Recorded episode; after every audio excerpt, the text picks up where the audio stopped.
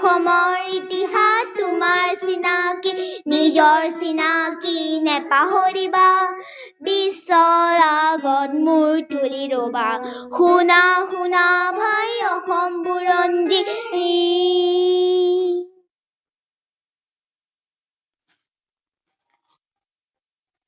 তোমালোকক যোৱাবাৰ মই কি কৈছিলো? কি কৈছিলো? মনত আছেনে? যে খ্ৰীষ্টপূৰ্ব তেৰশ চনৰ পৰা খ্ৰীষ্টাব্দৰ আৰম্ভলৈকে কি হৈছিলে? অন্ধযুগ। অন্ধযুগ মানে তাৰ সেইখিনি সময়তনো কি হৈছিলে? সেই বিষয়ে আমি বিশেষ একো বিচাৰি নাপাওঁ। সেইকাৰণে অন্ধযুগ। এতিয়া তোমাক যে ক'লো খ্ৰীষ্টপূৰ্ব খ্ৰীষ্টপূৰ্ব মানে কি জানানে? নেজানো। খ্ৰীষ্টপূৰ্ব হৈছে খ্ৰীষ্ট জন্মৰ আগৰ খ্ৰীষ্ট খ্ৰীষ্টান ধৰ্মৰ যে খ্ৰীষ্ট? খ্ৰীষ্টৰ জন্মৰ আগৰখিনি চনক কয় খ্ৰীষ্টপূৰ্ব আৰু পিছৰখিনিক কয় খ্ৰীষ্টাব্দ। কি বুলি কয়? খ্ৰীষ্টাব্দ। এতিয়া আমাৰ নৰকাসুৰ বংশাৱলীৰ শেষচোৱাত মানে শেষচোৱাত কিয় খ্ৰীষ্ট শতাব্দী তাৰমানে খ্ৰীষ্টীয় শতাব্দী বুলি কৈছোঁ। প্ৰথম শতিকাত প্ৰথমতে দেৱেশ্বৰ নামে এজন ক্ষুদ্ৰ ৰজাই কামৰূপত ৰাজত্ব কৰাৰ তথ্য পোৱা যায়। তেওঁ ৰাজত্ব কালত বৌদ্ধ ধৰ্মৰ শ্ৰীবৃদ্ধিত বিশেষ বাধা জন্মা মানে সেই সময়ত বৌদ্ধ ধৰ্মটোও প্ৰচলিত আছিল। কিন্তু বৌদ্ধ ধৰ্মটো ইমান বেছি আগবাঢ়িব এইকাৰণেই পৰা নাছিল যে কামাখ্যাত শক্তি পূজা অধিক বলৱতী কৰিবৰ বাবে এই দেৱেশ্বৰ নামৰ ৰজাজনে বহুত আহু পুৰুষাৰ্থ কৰিছিল বহুত চেষ্টা কৰিছিল।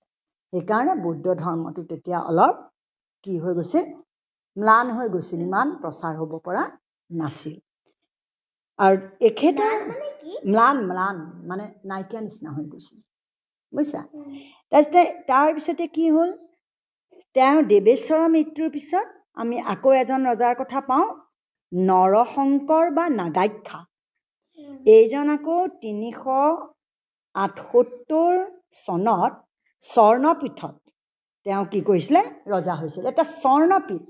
স্বৰ্ণপীঠ নামটো আগতে শুনিছা নাই। এইখিনিতে মই তোমালোকক এই কথাটো মই ক'ব লাগিব যে আগতে অসমখন বহুত ডাঙৰ আছিলে। বুজিছানে? একেবাৰে বিহাৰলৈকে আছিলে। বিহাৰ যেতিয়া দেখিছা বিহাৰলৈকে আছিলে। ইমান মানে আমাৰ কি হৈছিলে? ডাঙৰ আছিলে। তেতিয়া সেইকাৰণে সেই কামৰূপ ৰাজ্যখনক চাৰিটা ভাগত ভাগ কৰিছিলে।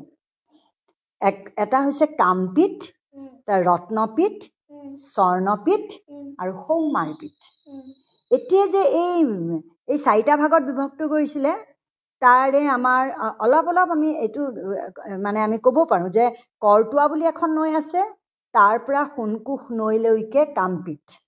সুবৰ্ণৰেখা নৈৰ পৰা ৰূপহী নৈলৈকে ৰত্নপীঠ। ৰূপহী নৈৰ পৰা ভৈৰৱী বা ভৰলী নৈলৈকে স্বৰ্ণপীঠ।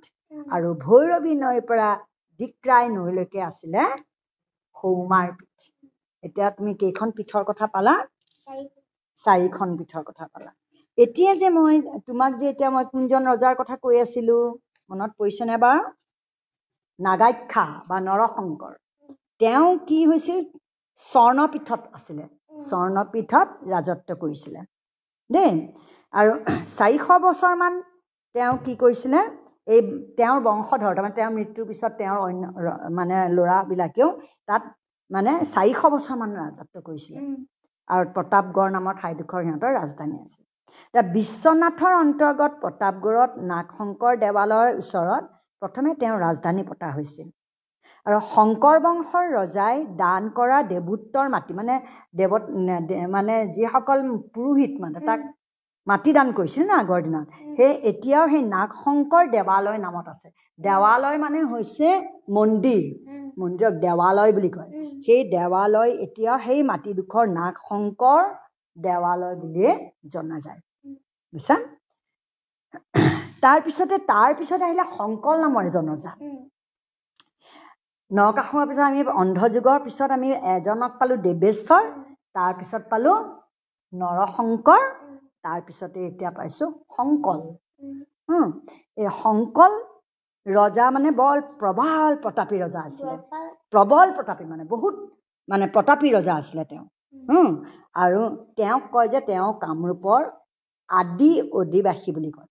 আদি অধিবাসী একদম মানে ইয়াৰেই তেওঁ মানুহ আছিলে শংকৰ ৰজাই নানান ফালে দিগ্বিজয় কৰি ফুৰিছিল তাৰ ভিতৰত কেদাৰ ব্ৰাহ্মণ নামে আৰ্যাৱৰ্তৰ এজন মানে কি হয় হা?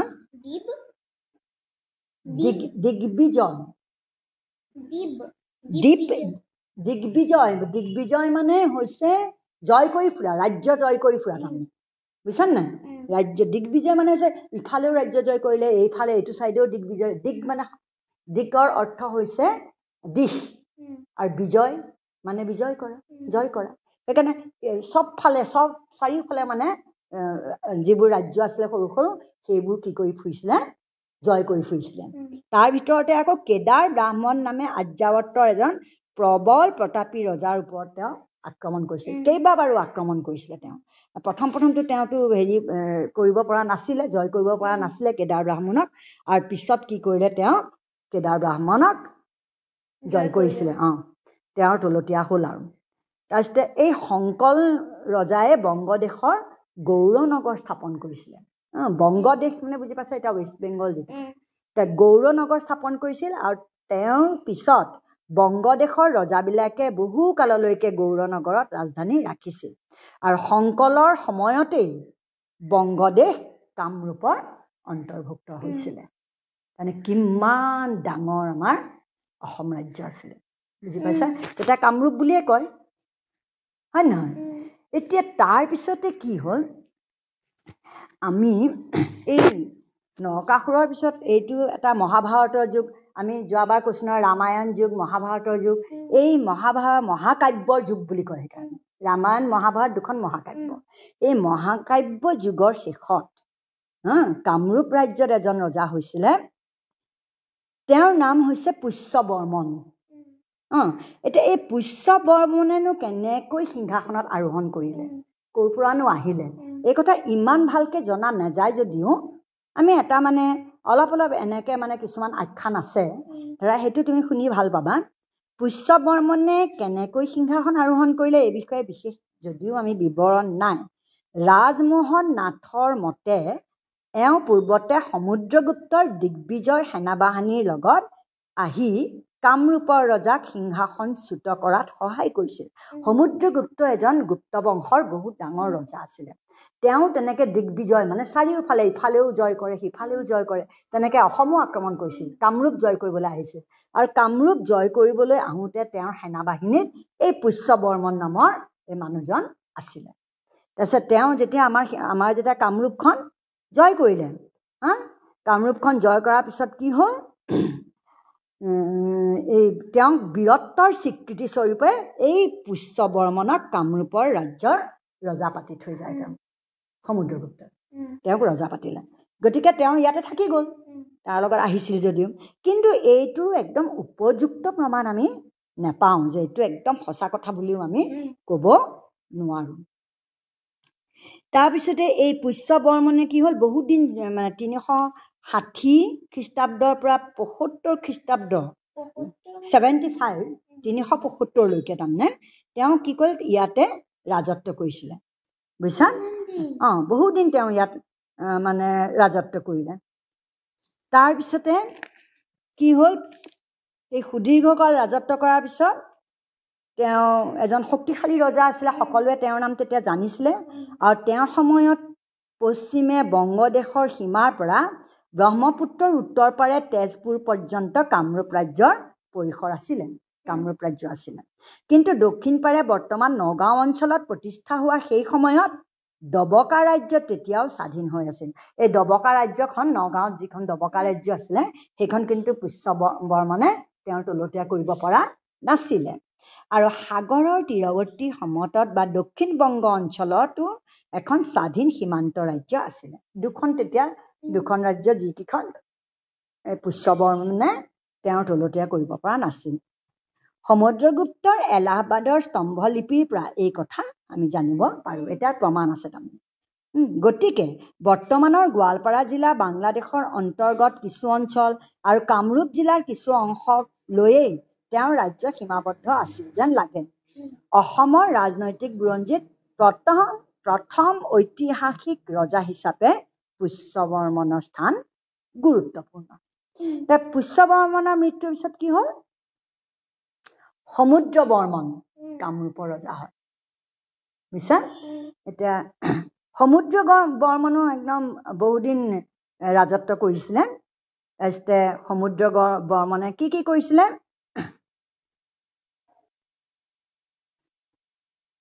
ভাস্কৰ বৰ্মন নামৰ এজন ৰজা আছিলে বহুত শক্তিশালী। তেওঁৰ ফলিসমত তেওঁ বহুতো কথা লিখি থৈ গৈছিলে। সেই ফলিসমত সমুদ্ৰ বৰ্মনক বহু গুণৰ অধিকাৰী বুলি কোৱা হৈছে।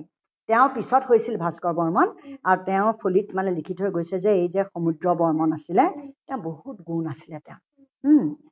তাৰপিছতে আগতে সৃষ্টি হোৱা মৎস্যনায়ৰ দৰে অৰাজকতা হবলৈ নিদি এইজন ৰজাই ৰাজ্যত শান্তি শৃংখলা বজাই ৰাখিছিল। এওঁ পিতাক পুষ্যবৰ্মনৰ আৰ্হিত মহাৰাজাধিৰাজ উপাধি গ্ৰহণ কৰিছিল। পুষ্যবৰ্মনেও মহাৰাজাধিৰাজ উপাধি গ্ৰহণ কৰিছিল আৰু তেওঁৰ পুতেক সমুদ্ৰ বৰ্মনেও কি উপাধি গ্ৰহণ কৰিছিল? মহাৰাজা ধীৰাজ। কোৱাচোন? ধীৰাজ। অ। মানে মহাৰাজৰ অধিৰাজ। মহাৰাজাধিৰাজ আৰু তেওঁ শান্তি শৃংখলা মানে বজাই ৰাখিছিলে। কালিদাসৰ ৰঘুবংশত উল্লেখ কৰা মতে যতদূৰ সম্ভৱ এওঁৰ দিনতেই গুপ্ত সম্ৰাটসকলৰ লগত কামৰূপ ৰাজবংশৰ বৈবাহিক সম্পৰ্কও স্থাপন হয়। বৈবাহিক সম্পৰ্ক মানে বুজি পাইছা নহয়? আগতে কৈছিলো। বৈবাহ মানে কি? বিবাহ। বিবাহ মানে কি? কি? বিবাহ মানে কি? কোৱা আকৌ। বিয়া।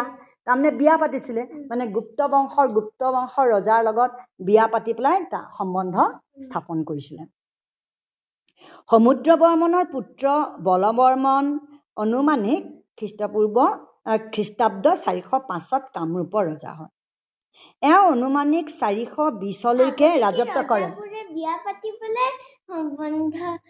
বেলেগ বেলেগ ৰাজ্যৰ লগত সম্বন্ধ স্থাপন কৰিছিল। যদি বিয়া পাতি সম্বন্ধ স্থাপন কৰে সেইটো বৈবাহিক সম্পৰ্ক বুলি কয়। বুজিছা নাই? আচ্ছা। এনে ৰাজ্য জয় কৰি। এই সমুদ্ৰ বৰ্মনৰ পুতেক বলবৰ্মনে এইজন ৰজাৰ বলবৰ্মনৰ ৰাজ্যৰ কাৰ্যকলাপৰ কথা কওঁতে বিশেষ গুৰুত্বপূৰ্ণ ঘটনাৰ কথা উল্লেখ কৰা নাই। বৰ বেছি ডাঙৰ ঘটনা তাৰমানে এওঁৰ দিনত হোৱা নাছিল। তেওঁ মহাৰাজাধিৰাজ হৈছিল। সেইটোৱে বিশেষ মানে বিশেষভাৱে সেইটোৱে উল্লেখযোগ্য কথা তাৰমানে। তাৰপিছতে বলবৰ্মনৰ মৃত্যুৰ পিছত কোন হ'ল? কল্যাণ বৰ্মন ৰজা হ'ল তেওঁৰ পুতেক। অঁ তাৰমানে এইটো একে বংশ বৰ্মন ডাইনেষ্টি বুলিয়ে কয় তাৰমানে। বৰ্মনৰ ৰাজত্ব কাল তাৰমানে এইটো বুজিছানে? তাৰপিছতে পুত্ৰ তেওঁৰ পুতেক কল্যাণ বৰ্মন ৰজা হ'ল আৰু কল্যাণ বৰ্মনৰ সময়ত চীন দেশৰ উৎস চুং চুৰ পৰা জনা যায় যে খ্ৰীষ্টপূৰ্ব চাৰি খ্ৰীষ্টাব্দ চাৰিশ বিছৰ পৰা চাৰিশ চাৰিৰ ভিতৰত কপিলী উপত্যকাৰ অৰ্থাৎ দবকা অঞ্চলৰ এজন ৰজাই চীন দেশলৈ এগৰাকী ৰাজদূত পঠাইছিল। চীনা ভাষাত সেইজন ৰজাক ইউ চাই বুলি কোৱা হৈছে। ইউ চাই? তেওঁলোকৰতো চীনৰ সেই নামবোৰ তেনেকুৱা ধৰণৰ নহয়। ইউ চাই শব্দৰ অৰ্থ হৈছে চন্দ্ৰৰ দৰে মুখ যাৰ। এইফালে ভাস্কৰ বৰ্মনৰ ফলিত কল্যাণ বৰ্মনৰ চেহেৰাত বিন্দু মাত্ৰাও দাগ নথকা আৰু চন্দ্ৰৰ দৰে মুখ বুলি কোৱা হৈছে। গতিকে কামৰূপ ৰাজ কল্যাণ বৰ্মনেই চীন দেশলৈ ৰাজদূত পঠিওৱা কামৰূপী ৰজাজন আছিল বুলি ডক্টৰ প্ৰতাপ চন্দ্ৰ চৌধুৰী আৰু কনকলাল বৰুৱা আদি বুৰঞ্জীবিদসকলে অনুমান কৰিছে। আহ এই এই দবকা ৰাজ্য কোনখিনিত আছিল বুলি কৈছিলে মনত আছেনে? পাহৰিলা। এই মাত্ৰ কৈছিলো নগাঁও। এই দবকা ৰাজ্যখন যে তেওঁ যুদ্ধত পুষ্যবৰ্মনে জয় কৰিব পৰা নাছিল কৈছিল নহয়? এই এওঁ দবকা ৰাজ্যৰ ৰজাক পৰাস্ত কৰিছিলে। বুজিছানে? এই বলবৰ্মনে পৰাস্ত কৰি সেই অঞ্চলত নিজৰ অধিকাৰ সাব্যস্ত কৰিছিল চীন দেশলৈ দূত প্ৰেৰণ কৰা কাৰ্যই সমসাময়িক অসমৰ আন্তঃৰাষ্ট্ৰীয় স্বীকৃতি তাৰমানে আমি অন্য বেলেগ বেলেগ ৰাষ্ট্ৰৰ লগতো যে আমি আমাৰ আছিলে সম্বন্ধ আৰু বহি বাণিজ্য আদি ইংগিত আমি তেওঁলোকৰ যে বেপাৰ বেপাৰ কৰিছিলোঁ এই কথাও ইংগিত দিয়ে। এতিয়া কল্যাণ বৰ্মনৰ পিছৰ ৰজাজন হৈছিলে তেওঁৰ তেওঁৰ পুতেক গণপতি বৰ্মন। আৰু এই যতদূৰ সম্ভৱ প্ৰজাৰ দুখ সুখ আশা আকাংক্ষাৰ প্ৰতি এই ৰজাজনেও চকু দিছিলে। একনায়কত্ব দৰ্শনেৰে প্ৰতিষ্ঠিত ৰাজতন্ত্ৰৰ চাৰিবেৰৰ বাহিৰ হৈ তেওঁ প্ৰজাৰ ইচ্ছা অনিচ্ছাৰ প্ৰতি লক্ষ্য ৰাখিছিল। তেওঁ তাৰমানে ৰজা গতিকে মই আৰু হেৰিতে সোমাই থাকিম তেনেকুৱা নাছিলে। তেওঁ প্ৰজাৰ উম, বিলাকনো কেনেকে আছে তেওঁলোকৰ ঘৰে ঘৰে গৈ যেনেকে বিক্ৰমাদিত্যই চাই হা তেনেকে ঘৰে ঘৰে গৈ ভেষণ কৰি যায় যে ঠিক তেনেকে গৈ পেলাই প্ৰজাবোৰনো কেনেকে আছে তাৰ সুখ দুখ চাইছিলেগে তাৰপিছতে তেওঁ সকলো প্ৰজাক আগত ৰখি ৰাখি পেলাই যে তেওঁৰ পুতেক মহেন্দ্ৰ বৰ্মনক ৰজা পাতিছে। তাৰপিছতে মহেন্দ্ৰ বৰ্মনৰ দীৰ্ঘদিনীয়া ৰাজত্বত চাৰিশ পঞ্চাছৰ পৰা চাৰিশ পঁচাশীৰ ভিতৰত মানে এইট্টি ফাইভ মানে ফ'ৰ এইট্টি ফাইভ ভিতৰত আছিলে বুলি অনুমান হয়। ডুবি তাম্ৰলিপিৰ পৰা জনা যায় যে মহেন্দ্ৰ বৰ্মনে শত্ৰু নিধন কৰিছিল আৰু সাগৰ পৰ্যন্ত বিস্তৃত অঞ্চলত তেওঁ অধিকাৰ সাব্যস্ত কৰিছিল। এওঁৰ ৰাজত্বৰ সময়ত গুপ্ত সাম্ৰাজ্যৰ অধিপতি আছিল ক্ৰমে কুমাৰগুপ্ত স্কন্দগুপ্ত পুৰুগুপ্ত বুদ্ধগুপ্ত এই ৰজাবোৰ গুপ্ত বংশত সেই সময়তে তেওঁৰ দিনতেই ৰাজত্ব কৰিছিলে। তাৰপিছতে কি হ'ল? মহেন্দ্ৰ বৰ্মন হিন্দু ধৰ্মৰ প্ৰবল পৃষ্ঠপোষকতা আছিলে। তেওঁ যাগ যজ্ঞ পূজা পাৰ্বণ এইবোৰ কৰাত সিদ্ধহস্ত আছিল এইবোৰ কৰিছিল। এইজন ৰজাই দুবাৰকৈ অশ্বমেধ যজ্ঞ সমাপন কৰিছিল আৰু অশ্বমেধ যজ্ঞ সম্পন্ন কৰাৰ এওঁৱেই প্ৰথম বৰ্মন বংশীয় ৰজা আছিল। অশ্বমেধ যজ্ঞৰ কথা তোমালোকে পাইছা নহয়? এই ক'ত পাইছা? কোনখন মহাকাব্যত আছে? দুইখনতে আছিলে। এ, ৰামায়ণতো আছে আৰু মহাভাৰততো আছে। আৰু অশ্বমেধৰ যজ্ঞৰ ঘোঁৰা ধৰি ৰাখিলে কি হয়? যুদ্ধ হয়। আৰু ধৰি নাৰাখিলে সেই ৰাজ্যখন তেওঁৰ তলতীয়া হৈ যায়। এই মহেন্দ্ৰ বৰ্মনে আছিল প্ৰথম তেনেহ'লে ইয়াত অশ্বমেধ যজ্ঞ কৰা এতিয়া মহেন্দ্ৰ বৰ্মনৰ উত্তৰাধিকাৰী আছিল উত্তৰাধিকাৰী আছিলে পুত্ৰ নাৰায়ণ বৰ্মন। এওঁৰ ৰাজত্বকালত বিশেষ বৰ্ণনা পোৱা নাযায় কিন্তু প্ৰাচীন ফলিবিলাকত এওঁ এজন চিন্তাশীল ব্যক্তি আছিল বুলি কোৱা হৈছে। নাৰায়ণ বৰ্মনৰ ৰাজত্বকালত ৰাজ্যত অপায় অমংগল বা বাহিৰা শত্ৰুৰ আক্ৰমণ হোৱা নাছিল। এইজন ৰজাৰ ৰাজত্বকাল ঊনৈছ চাৰিশ পঁচাশীৰ পৰা ফ'ৰ এইট্টি ফাইভৰ পৰা পাঁচশ ফাইভ হাণ্ড্ৰেড টেনলৈকে আছিলে। তাৰপিছতে আহিলে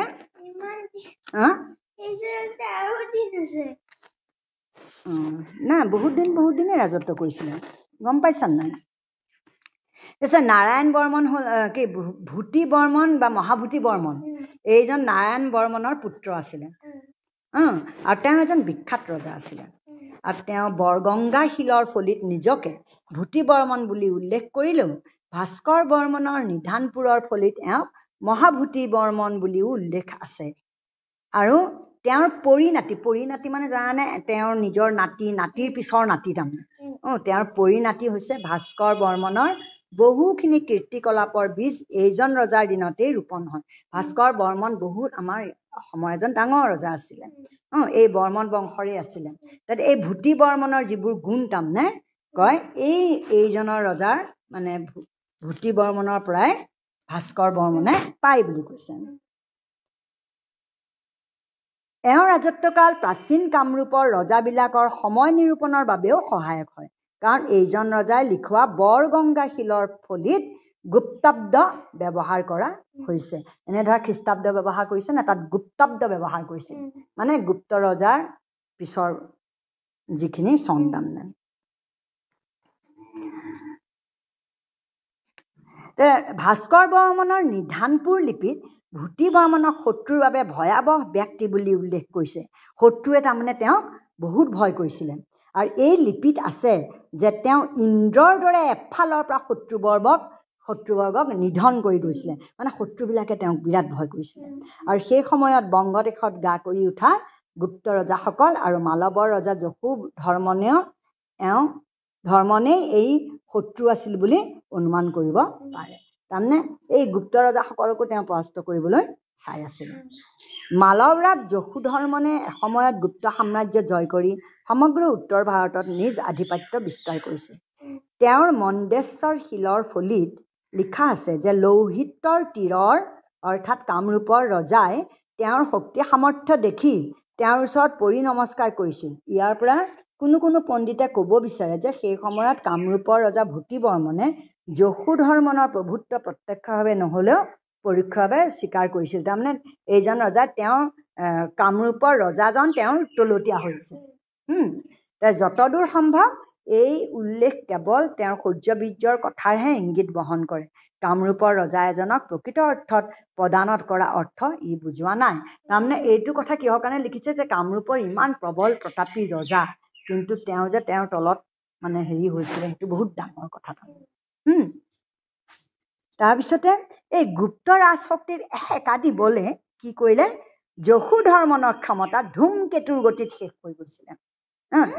তাৰমানে একদম ধুমকেতুৰ নিচিনাকে তেওঁ আহিছিলে গুপ্ত ৰজাবিলাকক সেকা দিম বুলি ভাবিছিলে। কিন্তু এওঁৰ আক্ৰমণৰ ফলত সৃষ্টি হোৱা ৰাজনৈতিক আৰু অৰ্থনৈতিক দুৰ্বলতাৰ সুবিধা লৈ ভূতি বৰ্মনে পুঞ্জ বৰ্ধন আক্ৰমণ কৰি তাৰ গুপ্ত ৰজাক ঘটুৱাই সেই অঞ্চল অধিকাৰ কৰিলে ভূতি বৰ্মনে গুপ্ত ৰাজ্য মানে অধিকাৰ কৰে। আৰু ভাস্কৰ বৰ্মনৰ ফলিত উল্লেখ আছে যে এওঁ পুঞ্জ বৰ্ধন জয় কৰি চন্দ্ৰপুৰী নামৰ বিষয়ৰ অন্তৰ্গত ময়ূৰ শালমল নামৰ গাঁও অঞ্চলত দুশজনতকৈও অধিক ব্ৰাহ্মণক মাটি দান কৰে। আৰু এই ময়ূৰ শালমল অগ্ৰহাৰ বা চন্দ্ৰপুৰী বিষয় প্ৰকৃততে কোন ঠাইত অৱস্থিত আছিল সেই বিষয়ে ঐতিহাসিকসকলৰ মাজত মতবিৰোধ আছিল। ক'তনো আছিল জানে সেই সেই ঠাইডোখৰ য'ত ইমানবোৰ মানুহক ইমান দুশজনকৈ ব্ৰাহ্মণক যে মাটি দান কৰিছিল সেই ঠাইডোখৰনো ক'ত আছিলে? সেই কথাটোৱেই তাৰমানে মতবিৰোধ। কোনোবাই ইয়াত আছে বুলি কয় কোনোবাই তাত আছে বুলি কয় বুজি পাইছে সেইটোৱে মানে। সেই আগৰ দিনত যে আমাৰ বস্তুবোৰ যদি বিচাৰি নাপাওঁ তেতিয়াহ'লে মানে বহুত দিগদাৰী হয়। গম পাইছা? এই ভূতি বৰ্মনৰ ৰাজত্ব কালত অকল ৰাজ্যৰ ভৌগোলিক পৰিসীমা বৃদ্ধিৰ বাবেই বিখ্যাত নহয় তেওঁৰ দিনত ৰাজ্যত আৰ্যীকৰণৰ প্ৰক্ৰিয়া বৰ খৰকটীয়াকৈ হৈছিল। আৰ্যীকৰণ মানে আৰ্য অনাৰ্য মই তোমাক কৈছিলো যে কাৰণ অসমখন প্ৰথম প্ৰথম কৈছো ন অসুৰ আৰু দানৱৰে ৰাজ্য আছিলে। কিন্তু এই তেওঁৰ দিনত কি হৈছিলে বহুতখিনি মানে মানুহ বহুতখিনি মানে কি হৈছিলেগে মানুহ ইয়ালৈ আৰ্যীকৰণ হৈছিলে তাৰমানে আৰ্য সমাজৰ পৰা আহিছিলে। তাৰ পিছৰখিনি কথা আমি তেনেহ'লে ভূতি বৰ্মনৰ দিনৰ কথাটো আমি এতিয়া শুনিলো। ভূতি বৰ্মনৰ পিছত চন্দ্ৰমুখ বৰ্মন এনেকে গৈ পেলাই বহুত কথা আছে। আমি অহাবাৰকে তোমাক ধুনীয়া ধুনীয়াকৈ ভাস্কৰ বৰ্মনৰ কথা কৈ আছো নহয়। মই ভাস্কৰ বৰ্মনৰ কথা কম অহাবাৰ। দেই তেনেহ'লে আজিলৈ আমাৰ ইয়াতে শেষ কৰোঁ। নহয় জানো? তেনেহ'লে আমি আমি এতিয়া কি কৰিম? শুনা শুনা ভাই অসম বুৰঞ্জী অসমৰ ইতিহাস তোমাৰ চিনাকি নিজৰ চিনাকি নেপাহৰিবা নিশ্চৰ আগত মোৰ তুলি ৰোৱা শুনা শুনাই ভাই অসম বুৰঞ্জী আমাৰ চেনেলটো ফ'ল' কৰি দিব ভিডিঅ'বোৰ লাইক কৰি দিব শ্বেয়াৰ কৰি দিব